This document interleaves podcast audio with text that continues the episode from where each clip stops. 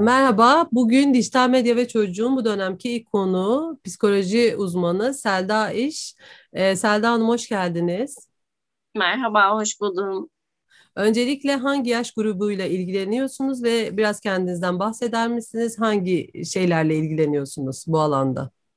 Tabii ki. Ee, Bilgi Üniversitesi Psikoloji mezunuyum. 2014 yılında mezun oldum ve mesleğime anaokulunda çalışmaya e, çalışarak başladım.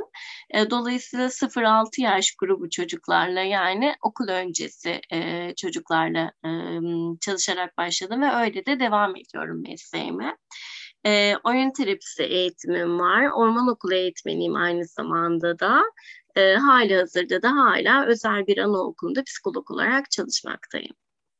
Şimdi öncelikle biz hani dijital medya ve çocukla e, başladığımız için bu işe e, bu bunun üzerinden gideceğiz. E, okul öncesi yaş grubu çocuklar için yaratıcılığı ve öğrenmeyi desteklemede dijital araçlar nasıl katkı sağlar sizce?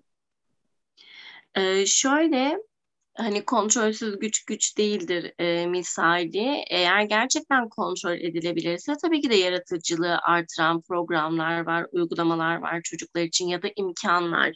Yani teknoloji kullanarak gerçekten çok güzel e, imkanlar elde edebiliyoruz. Bizler de okulda özellikle çocuklara bir takım eğitimle ilgili içerikleri verirken teknolojiden çok yararlanıyoruz bu anlamda. Fakat kontrollü olduğu sürece faydalı. Yani bunu çocuğun kontrolüne bıraktığımızda yetişkin ebeveyn kontrolü ya da işte eğitimci kontrolü ortadan kalkıp e, çocuğun eline bunu kontrolsüzce verdiğimizde aslında yaratıcılığa da çok bir faydası olmuyor. Gelişime de bir faydası olmuyor diyebilirim. Doğru kullanıldığında evet yaratıcılığı da gelişimi de destekler teknoloji. Dijital araçlardan kaçış imkansız gibi biliyorsunuz. Ee, evet. O halde bunu nasıl daha yararlı hale getirebilir ebeveynler? Hı hı.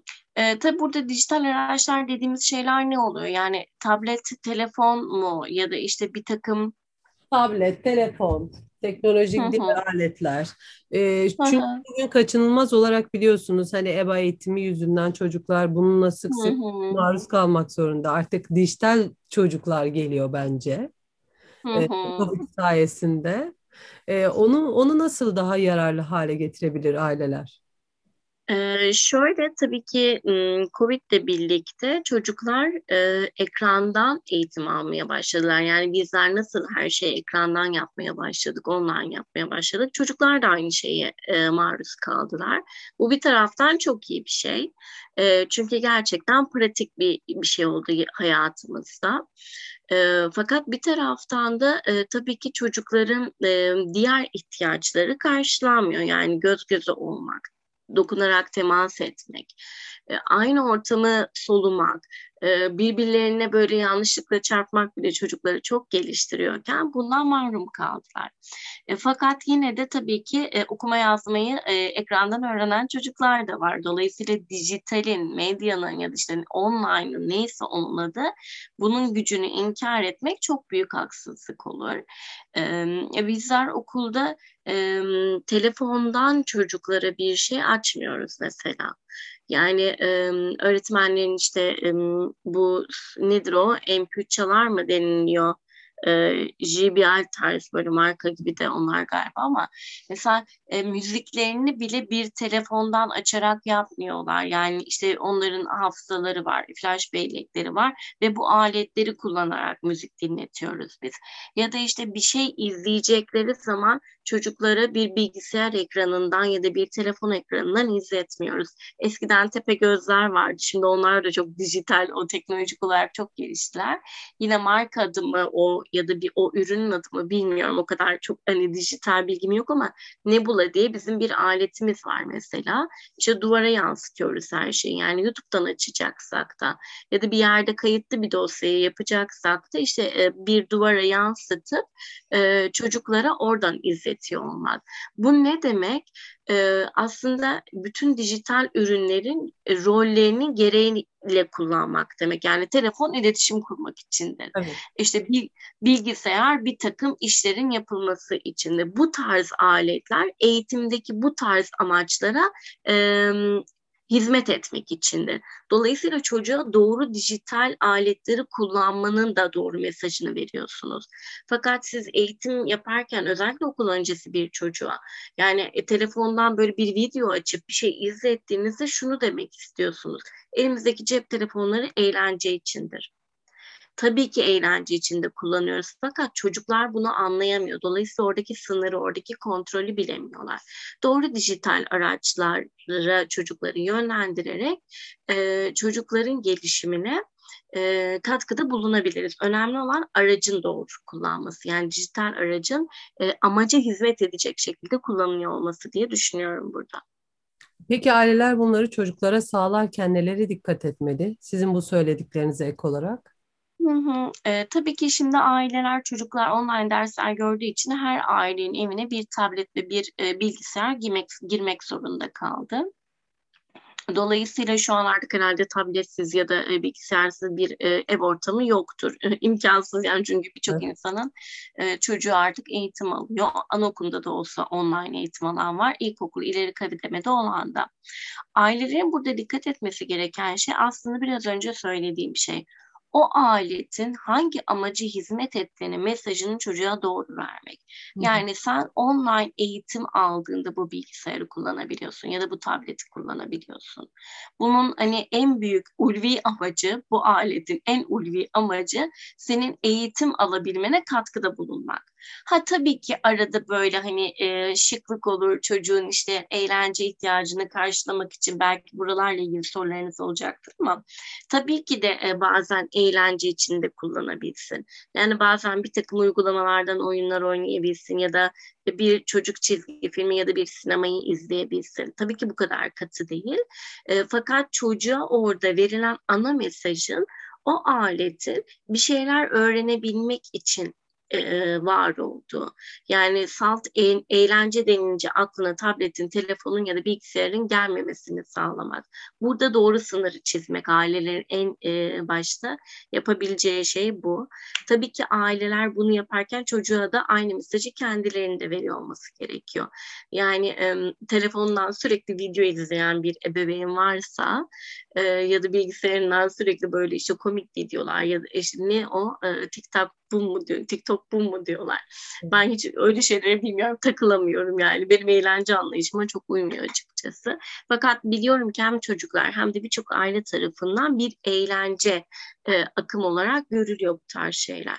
Dolayısıyla ebeveynler ekranı, telefonu, tableti, bilgisayarı neyse ve bu tarz şeyler için çok sık kullanıyorsa çocuğa mesajı yanlış vermiş oluyor. Elimizdeki aletler eğlence içindir eğlenmek için bunlara ihtiyaç duyarız.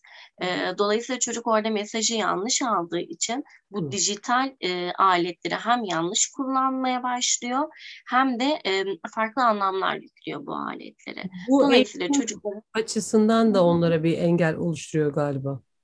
E, tabii ki yani e, eğitim olarak çocuk onu göremediği zaman eğitimi bilgisayardan almak fuzuli bir şey geliyor ya da zor olarak geliyor. Çünkü neden? O alet eğlence için var yani hani telefonu ben eğlenmek için alırım işte tableti ben oyun oynamak, video izlemek için alırım e, mesajını aldıysa çocuk başından hayır bir dakika bir dur bu eğitim için çok ciddi bir şey şu an en büyük aracımız bu diyebilmek gerçekten zaman ve emek ister ailelerde. Fakat mesajı baştan doğru koyduysan, e, yani işte daha okul öncesindeyse çocuğunuz bu e, online eğitimle tanıştıysa ya da birinci sınıftaysa ya da var farklı kademelerde hiç fark etmez. Siz e, çocukta eğlence amaçlı ekranın kullanımını doğru sınırlandırdıysanız, kendi hayatınızda da çocuğa e, dijital aracı mesajını doğru verdiyseniz, çocuk oradaki sınırı koruyacaktır. Ben bu benim e, öğrenmeme hizmet eden bir araç ama bazen bunun içinden eğlenceye de alabiliyorum. Diğer türlü bu eğlenceyi veren bir araç. Ama ben onu arada ders öğrenmek, eğitim almak için de kullanıyorum. İkisi arasında hakikaten çok büyük farklar ve çocukların dijital dünyaya, e, online'a bakış açısında çok belirleyecek iki farklı bakış açısı oluyor. Peki çocuklar günde kaç saat internette zaman geçirmeli ya da bu onlara ne kadar katkı sağlar? Yani belli bir saat aralığı var mı? Şöyle, aslında e, çocuğun geçirdiği saatten ziyade neyle e, vakit geçirdiği önemli gerçekten faydalı, gerçekten öğretici bir şey ve gerçekten onu duygusal olarak, bilişsel olarak besleyici bir şeylerle vakit geçiriyorsa zaten zamanın çok önemi bizim için de çocuk için de olmuyor. Ama işte bu bahsettiğimiz komik komik videolar için işte e, bana çok gerçekten saçma sapan geliyor. Benim kızım da bir ara sarmıştı böyle işte e, bu meşhur popüler annelerin çocuklarıyla çektiği videolar var ya böyle bir YouTube'lara yüklenen bilmem ne mamların e, onların yüklediği videoları bazı çocuklar popüler biliyorsunuz. Evet çok popüler ve gerçekten çocuklara inanın ki bir katkısı yok, bir öğrenmesi yok. Ee, çok fazla reklam ürünleri kullanılıyor. Yani belki kendi çocuğuna doğru düzgün cips yedirmiyor ama böyle iştahlı iştahlı çocuğa bir cipsin markasını veriyor ya da işte bir jöle tarzı ürünler var onları veriyor. Çocuk bunu çok eğlenerek izliyor ve sanıyoruz ki yani bir şeyler öğreniyor bak izleyerek öğreniyor. Halbuki hayır gerçekten hayatın içinde yaşayarak öğreneceği şeyleri ekrandan öğrenmesine gerek yok. Ee, biraz buralarda ebeveynlerin eleştirel düşüncede olması gerekiyor. Yani benim çocuğum e, ben şuna bile e, geliyorum bir yerde işte sayıları öğreniyor alfabeyi öğreniyor renkleri, şekilleri öğreniyor ekrandan. Hı. Ama çocuğun bunun için ekrana ihtiyacı yok ki. Yani hani hayatın içinde zaten sosyalleşmenin içinde çocuklar bunu öğreniyor. Bunu okulda bile öğrenmelerine gerek yok. Çoğu zaman da okulda bile öğrenmiyor çocuklar bunu. Ee, yaşamın içerisinde üçgeni, daireyi, rengi, kırmızıyı, turuncuyu, moru, hani katıyı, sıvıyı, gazı vesaire birçok şeyi zaten yaşamın içerisinde öğreniyor. Dolayısıyla orada ailelerin gerçekten seçici olması, doğru içerikleri e, çocuklara veriyor olması çok önemli.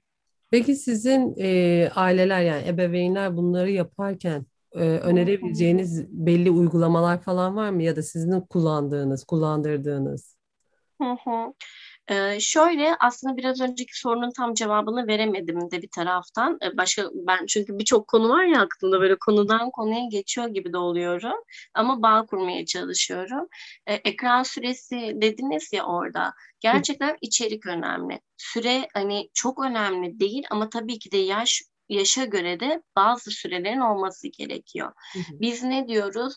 Ee, pandemiden öncesine kadar hep şunu savunuyorduk. 3 yaş öncesine kesinlikle hiçbir koşulda ekran verilmemeli. İşte kısa süreli hani büyük aile yetişkinlerle hani görüntülü görüşme haricinde çocuklar o teknolojik alete bakmamalı diyorduk. Fakat pandemide bu böyle olmadı. Yani 3 yaşında olup anaokuluna giden ya da 2-2,5 yaşında anaokuluna giden çocuklar bile ekrandan online bir şeyler yaptırılmaya çalışıldı. Ve tabii ki aileler evlerin içinde çok sıkıştığı için tabii ki bu yaş grubu çocukları da ekranla mecburen maruz bırakmak zorunda kaldı. Burada eleştirmiyorum aileleri çünkü anormal durumlarda e, normal davranışlar e, göstermemiz beklenemez. Dolayısıyla sınırlar kaydı, esneklik gösterildi. E, fakat yine de 2-3 yaş hatta 4 yaş 4 yaş çocuğuna kadar e, ekran süresi gerçekten maksimum 1 saati geçmemeli. Maksimum o da yani hani yarım saat 40 dakika ama maksimum 1 saati geçmemeli. 4-5 yaş üzeri çocuklarda hadi bir buçuk saatleri belki biraz bulabilir ama o da parçalı olarak. Yani 40 dakika 40 dakika gibi olabilir belki. Ee, ilkokul seviyesi çocuklar için bence günde 2, 2 ya da 3 saati geçmemeli. Ama o da yine tam bir e, şey olmamalı. Yani uzun süreli bir 3 saat değil, aralıklı 3 saat gibi. E, dolayısıyla tabii ki aileler bunu çocukların e, fiziksel sağlığı, ruhsal sağlığı ve e, e, nasıl söyleyeyim aile ilişkilerinde koruyabilmek için ekranın tabii ki de e, sağlıklı bir süresi olmalı. Ailelerde bunu kendi dinamiklerine göre belirleyebilmeli diyorum. Peki şöyle hani aileler interneti çocuklarına kullandırdığında ya da ekranı kullandırdığı zaman e, diğer aktivitelere resim, müzik, e, ne bileyim oyun, eğlence hani normal sosyal hayatımızda yaptığımız şeylere nasıl yönlendirebilir? Bunu nasıl bu, buraya nasıl kanalize edebilir çocuk oraya alıştıktan sonra ya da alıştırmadan nasıl yapabilir bunu? Şöyle eğer çocuk ekrana alışmadıysa ya da bir şekilde ekran ortadan kalktıysa zaten bu tarz oyunlara çok daha fazla alan açılmış demektir. Ama çocuk zamanının çoğunu ekranda geçiriyorsa bu ders içinde olabilir, okuldan döndükten sonra anne babanın daha rahat vakit geçirmesi içinde olabilir. Misafir gelince daha so rahat sohbet edebilmek için ona ekranı vermek için de olabilir. Hiç önemli değil. Ee, burada e, gerçekten de şey önemli. Yani e, hangi içeriği izliyor benim çocuğum? Ee, ve o izlediği içerik benim onunla geçireceğim vakitten çok daha mı kıymetli? Yine oraya geldik. Renkleri, şekilleri, sayıları öğreniyor. İngilizce öğreniyor şu an benim çocuğum. Tablette bir uygulama İngilizce öğreniyor. Halbuki çok güzel yaratıcı bir e, drama oyun kurulsa evin içerisinde ve bu İngilizce yapılıyor olsa basit bir dille çocuk zaten onu da öğreniyor olacak. O yüzden çocuğa şu mesajı vermek yine ebeveynler tarafından önemli. Ekranda izlediğin bazı şeyler seni eğlendiriyor. Evet bazıları öğretici de evet ama ailecek vakit geçirmek hepsinden çok daha eğlencelidir. Birlikte olmak her zaman çok daha keyif vericidirin mesajını uygulayarak ailenin veriyor olması gerekiyor. Bunun için de bol bol çocuğu ailenin oyuna çekmesi gerekiyor. Yani çocuk gel benimle oyna, gel benimle oyna demesin. Hadi gel şunu oynayalım. Aa aklıma bir fikir geldi. Bunu yapalım mı? Seninle şunu deneyelim mi? Ee, işte gel seninle ormanda e, fil kurtarmaya gidelim. E, ya da ne bileyim aa ben kuyuya düşeyim sen beni kurtaran bir kahraman ol. Bakalım nasıl kurtarabileceksin. E, bir ip bulabilir misin işte ne bileyim e, bir uzun çubuk bulabilir misin? Böyle yaratıcı bir şeyden yani. Ya da mutfağı kullanmak. Hadi gel seninle kek yapalım. Hadi gel seninle bir de pizza yapalım. Neyse sevdiğiniz şey. Dolayısıyla çocuğu ailenin oyuna çekmesi gerekiyor. E, aile ekranı çocuktan koparmaya çalışmak için oyunu ve birlikte vakit geçirmeyi ona daha çok sunduğunda çocuğun ekrana, dijitale ihtiyacı da daha azalıyor dolayısıyla. E, bu yüzden ailelerle oyun, oyun, oyun diyoruz. Yani siz ne kadar oyuncu olursanız, siz çocuğunuzu gerçekten ekranı ne kadar maruz bırakma konusunda e, cimri olursanız e, daha yaratıcı olduğunuz için çocuğunuzun da bunlara ihtiyacı daha azalacaktır diye düşünüyorum. Bunu dediğinizde şey aklıma geldi. Hani bir dönem şey kullanılıyordu ya psikologlar tarafından. E, çocuklarınıza sanal bakıcılar edindirmeyin. Ekranı Hı, onlara evet. bir şeyler yedirmeyin. Evet, aynen öyle. Gerçekten de böyle pandemide bu konularda gerçekten aileler çok sıkıştı. Çok farkındayız. Yani hakikaten evden on, baba bir bilgisayarda çalışıyor, anne bir bilgisayarda çalışıyor. Çocukla ilgilenebilecek kimse yok. Bir şekilde ekran verdiler. Fakat hayat biraz yavaş yavaş normale de dönmeye başladı. Yani olmuşa ahvah etmeyelim de bundan sonrasını nasıl kurtarabiliriz? Nasıl o kayıp zamanları tamir edebiliriz?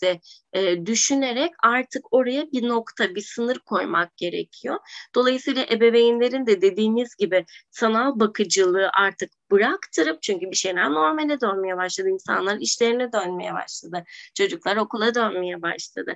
Dolayısıyla o e, ekran bakıcılığını artık kapatıp e, çocuklarımızın bakımını, onlara olan ilgimizi, onların eğlenme ihtiyacını, sorumluluğunu ebeveyn olarak tekrar almak e, artık yapılabilir diye düşünüyorum. Şimdi şöyle bir konu da var. Çocukların hani biyolojik gelişiminde bu araçlar gerçekten bilimsel olarak ispatlanmış zararları söz konusu mu?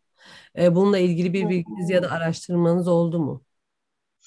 E, şöyle bilgim şu açıdan var. E, bir katıldığım bir eğitimde bir e, meslektaşım söylemişti. Ekranın çocuklara olan zararına dair bir araştırmayı daha doğrusu bize okumuştu. Araştırma şunu söylüyor. İşte insan zihni e, rakamları yanlış verebilirim ama önemli olan orada orana dikkat etmek. Evet. E, işte 28 kare belki siz de hani daha iyi biliyorsunuz yani insan e, zihni aynı anda 28 kare ya da 26 kare neyse evet. o. He? 25 kare tekniğinden falan mı bahsediyorsunuz? Evet, evet yani, böyle bir şey var. Evet. Yani bu kadar kareyi algılayabiliyor. Çocuklar bunun daha azını algılayabiliyor. Yani aynı anda algılayabildiği e, o küçük işte e, piksel mi diyorsunuz ona neyse e, onun şeyi çocuklarda daha da az. Fakat çocuklar ekrana baktığında, e, telefona baktığında insanın algılayabileceği o seviyenin daha da üstünde bir e, ekran şeyine maruz kalıyor. Beyin bunu işleyemiyor. Yani çocuğun beyni bunu işleyemiyor. Dolayısıyla o ekranları kapattırıyoruz ya bir şekilde çocuklara biz. İster saatler sonra, ister yarım saat sonra hiç fark etmez. Çocuğun zihninde e, o kalan kareleri tamamlamak için zihin hala çalışıyor.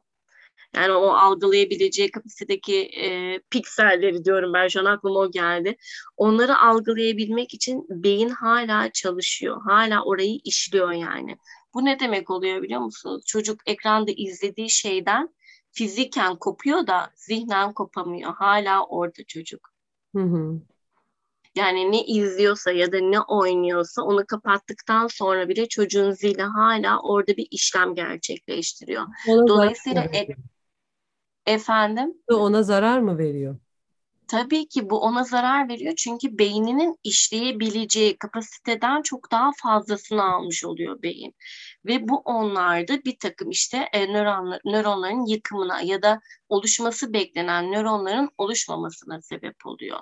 Yani çocuğun bilişsel gelişimini e, biz faydalı hani iyi şeyler öğreniyor derken e, şey gibi akan nehrin önüne set koymak gibi düşün. Yani çocuğun normal seyrinin içinde beyinde bir takım gelişmeler oluyor. İşte bir takım sinapslar var, bağlantılar oluşuyor. Fakat fazla yük verildiğinde e, biz o bağlantıları ya kopartıyoruz ya da oluşmasının önüne engel koymuş oluyoruz. Bu anlamda ekran çocuklar için evet bilimsel olarak bir çalışma derseniz böyle bir çalışma var. E, biliyoruz ki çocukların beynine fazla alabileceğinden fazla şey yüklendiği için çocuklara zararlı oluyor. Bu beyin olan beyni olan zarar. Bir de çocuğun fiziksel olarak zararı var. Nedir bu? En basitinden parmaklar. Yani hani o parmaklar biz bile yetişkinler olarak günde çok fazla mesaj yazmışsak bir sızlama hissediyoruz değil mi şu parmaklar? Evet, aynen öyle. Ya da çok fazla telefonla konuştuğumuzda kulağımızda bir ağrı, bir hassasiyet, elimizde, kolumuzda bir şey. Çocuğu düşünün, yani elinde bir tablet ya da bir telefon var. E, bir kere fiziksel postürünü bozuyor çocuğun. En basitinden fiziksel postüre zarar verdi. E, sonra e, işte e, organlara, vücudun bölgelerine zarar veriyor, parmağına zarar veriyor. Göz için keza yine öyle. Yani normalde alabileceği e, ışık, işte kırılma vesaireden çok daha üst bir ışık kırılması algılıyor beyin. Dolayısıyla göze de zarar veriyor. E, göze bir de verdiği zarar şu sürekli yakın yakına baktığı için çocuk uzağa bakma becerisi gelişmiyor çocuklarda. Hı hı. Yani açık alanda biz neler ne yaparız? Genelde hep böyle uzaklara, daha ilerilere bakarız değil mi? Araba kullanırken de uca değil de uca değil de daha uzaklara bakarız böyle. Bu bile bizim gözümüzün gelişimi için gerekli bir şeydir. E, çok kitap okumak neden gözü bozar? Çünkü hep yakın mesafe bakarsınız gözün ileriye görme becerisi gelişemez. Dolayısıyla çocuklarda göz bozulmasına da sebep oluyor. Postür, fiziksel duruşa, işte e, ellerdeki e, zor zorlanmaları gibi e, bir de zaten beyine olan gelişimin zararını söyledik. Açıkçası biraz görünen köy kılavuz istemiyor. Yani gerçekten de e, doğru zamanlarda kullanılmadığında e, med, dijital çocuklara zarar veriyor.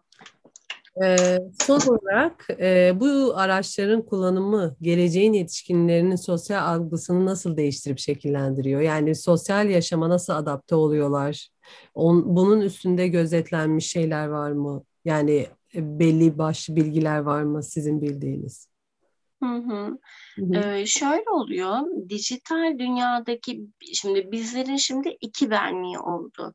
Bir gerçek hayattaki benliğimiz, bir de sanal hayattaki benliğimiz değil mi? İki farklı biz olduk aslında biz. Ee, dolayısıyla insanlar da nereye yatırım yapacağı konusunda sıkışıyorlar biraz. Gerçek hayattaki yani reel bene mi yatırım yapayım ben yoksa sanaldaki bene mi? Çünkü her iki tarafa da yapmak gerekiyor. Çünkü bir taraftan diğer taraf para da kazandırıyor değil mi? Çünkü evet. iş içinde çok kullanıyor insanlar. İnfluencerlardan bahsettik ki onlar şu an belki en yüksek miktarda para kazananlar gibi belli bir işi olmadığı halde. Evet değil mi? Bir me yani bir meslek tanımı yok işte. Bir şey mamım ben. Ne o? Popüler mam yani hani ne ne iş yapıyorsun yani? Senin katkın ne? Hani öğretin ne? E işte ben e, beğendiğim sevdiğim ürünleri tanıtıyorum. İşte çocuğumla geçirdiğim vakitleri paylaşıyorum. İnsanlar bunu çok beğeniyor bu bana para olarak dönüyor. Böyle bir meslek tanımı yoktu ama oldu Evet. Yani gerçekten de bunlar oldu. Dolayısıyla insanların benlikleri de çok fazla birbirine yabancılaşmaya başladı. Hı. Gerçek hayatta hiç olmadığı bir rolü bürünüp sanal alemde görünebiliyorlar. Ee, ya da işte e, sanal alemde öyle bir varlığını buluyor ki bir dakika ya diyor ben gerçek hayatta başaramamışım bunu yani diyor. Benim aslında gerçekten ben, benliğim buraya uygunmuş diyor. Bazıları hakikaten gerçek benliğini buluyor. Bazıları gerçek benliğinden çok uzaklaştığı için kendine yabancılaşıyor. Dolayısıyla biz e, bu sosyal, dijital dünyayla meselemizi uzun yıllar bence çözemeyeceğiz. Yani hep bunun çatışmasını yaşayacağız biz. Gerçek hayattaki benimi koruyacağız, büyüteceğiz, sanal alemdeki benimi. E, sosyal e, dünya e, beni nasıl şekillendirecek? Hep bunu tartışıyor olacağız. Varlığını inkar edemeyeceğiz. Yani sosyal medya, sosyal dünya her şekilde hayatımızda olacak. Fakat burada bence önemli olan şu, insan iradesi. Tabii. Her şey insanın iradesiyle ilgili. Siz e, size neyin zararlı, neyin faydalı, neyin size yabancılaştıracak. Ben bazen böyle şey oluyor. Bazen kaptırıyorum kendim işte. Hani böyle iki üç günde bir falan bir şeyler paylaşmaya çalışıyorum mesela. Sonra bakıyorum bir dakika realdeki hayatımda o kadar bir meselem var ki yani iş, çocuk, ev, okumak istediklerim, işte ne bileyim dinlemek istediklerim onları yapmaya gerçekten vaktim kalmıyor. Sonra kendimi şey de hissediyorum, kötü de hissediyorum, başarısız da hissediyorum. Pişmanlık duyuyorsun sonra. Pişmanlık duyuyorum. Eminim ki birçok insan benim gibi oluyor böyle. Diyorum ki yani bunun dengesini nasıl kuracağım ben? Yani sosyal dünyadaki varlığımı da sürdürmeliyim mesleğim içinde. E, realdeki şeyimi de sürdürmeliyim ama ikisine birden yetişmek çok zor oluyor. Dolayısıyla modern dünyanın en büyük çatışması bu. Ee, insanların hani hiçbir şeye zaten yetişemiyoruz. Hani en büyük çatışmamız bu da. Ee, bir de işin içine dijital girdi, sosyal dünya girdi. Dolayısıyla insanoğlu çok fazla rollere ve e, görevlere bölünmüş oldu. Aslında biz bölünmüşlük yaşıyoruz. Aslında biz yetişememezlik, e, yetersizlik hissiyatlarını son zamanlarda çok e, yaşıyoruz. Evet. E, zannımca insanlar gerçekten tercihlerini yapana kadar yani bazı insanlar bence gerçekten tamamen sosyal dünyadan kopup reale e, hakikaten e, besleyecek ve bu popüler olacak. İnsanlar bunun peşinden gidecek. Bazıları ısrarla e, sanalda olmayı e, besleyecek ve bazılarına bu iyi geldiği için reali bırakıp orayı yaşayacak. Yani aslında insanlar karmaşadan kurtulup bence tercih yapmaya başlayacak artık bir süre sonra. E, öyle olunca bence çatışmalarımız da rahatlayacak gerçekten. Başka şeyler var mı? E, eklediğim başka şeyler var mı? Şeyi sor, sormuştum uygulamalardan hani örnek verebileceğiniz e, var mı diye. E, şöyle çocuklar için e, güvenli içerik sunan Lella Kids diye bir uygulama var benim de yakından takip ettiğim psikologların onayladığı içerikler konuluyor oraya. onu takip, onu e, kullanabilirler. E, ya da böyle gerçekten hani çok isim verme, çok açıkçası ben kendi kızıma da kullandırmıyorum. Yani ben dijital oyun oynatmıyorum gerçekten çocuğuma. E, ya da hakikaten YouTube videoları izletmiyorum. Çünkü gerçekten bunun ona bir faydası olmadığını tabii ki zamanında ben de benim çocuğum da izledi bunları yani öyle kapalı fanusta yetiştirmedim onu. fakat gördüm ki izlenimim yani çocuğumu izledim içeriklere baktım aslında gerçekten öyle beklenildiği kadar devasa önemli şeyler öğrenmiyor. Ve öğrendiği şeyleri e, illa öğrenmek, oradan öğrenmek zorunda olmadığını fark ettim.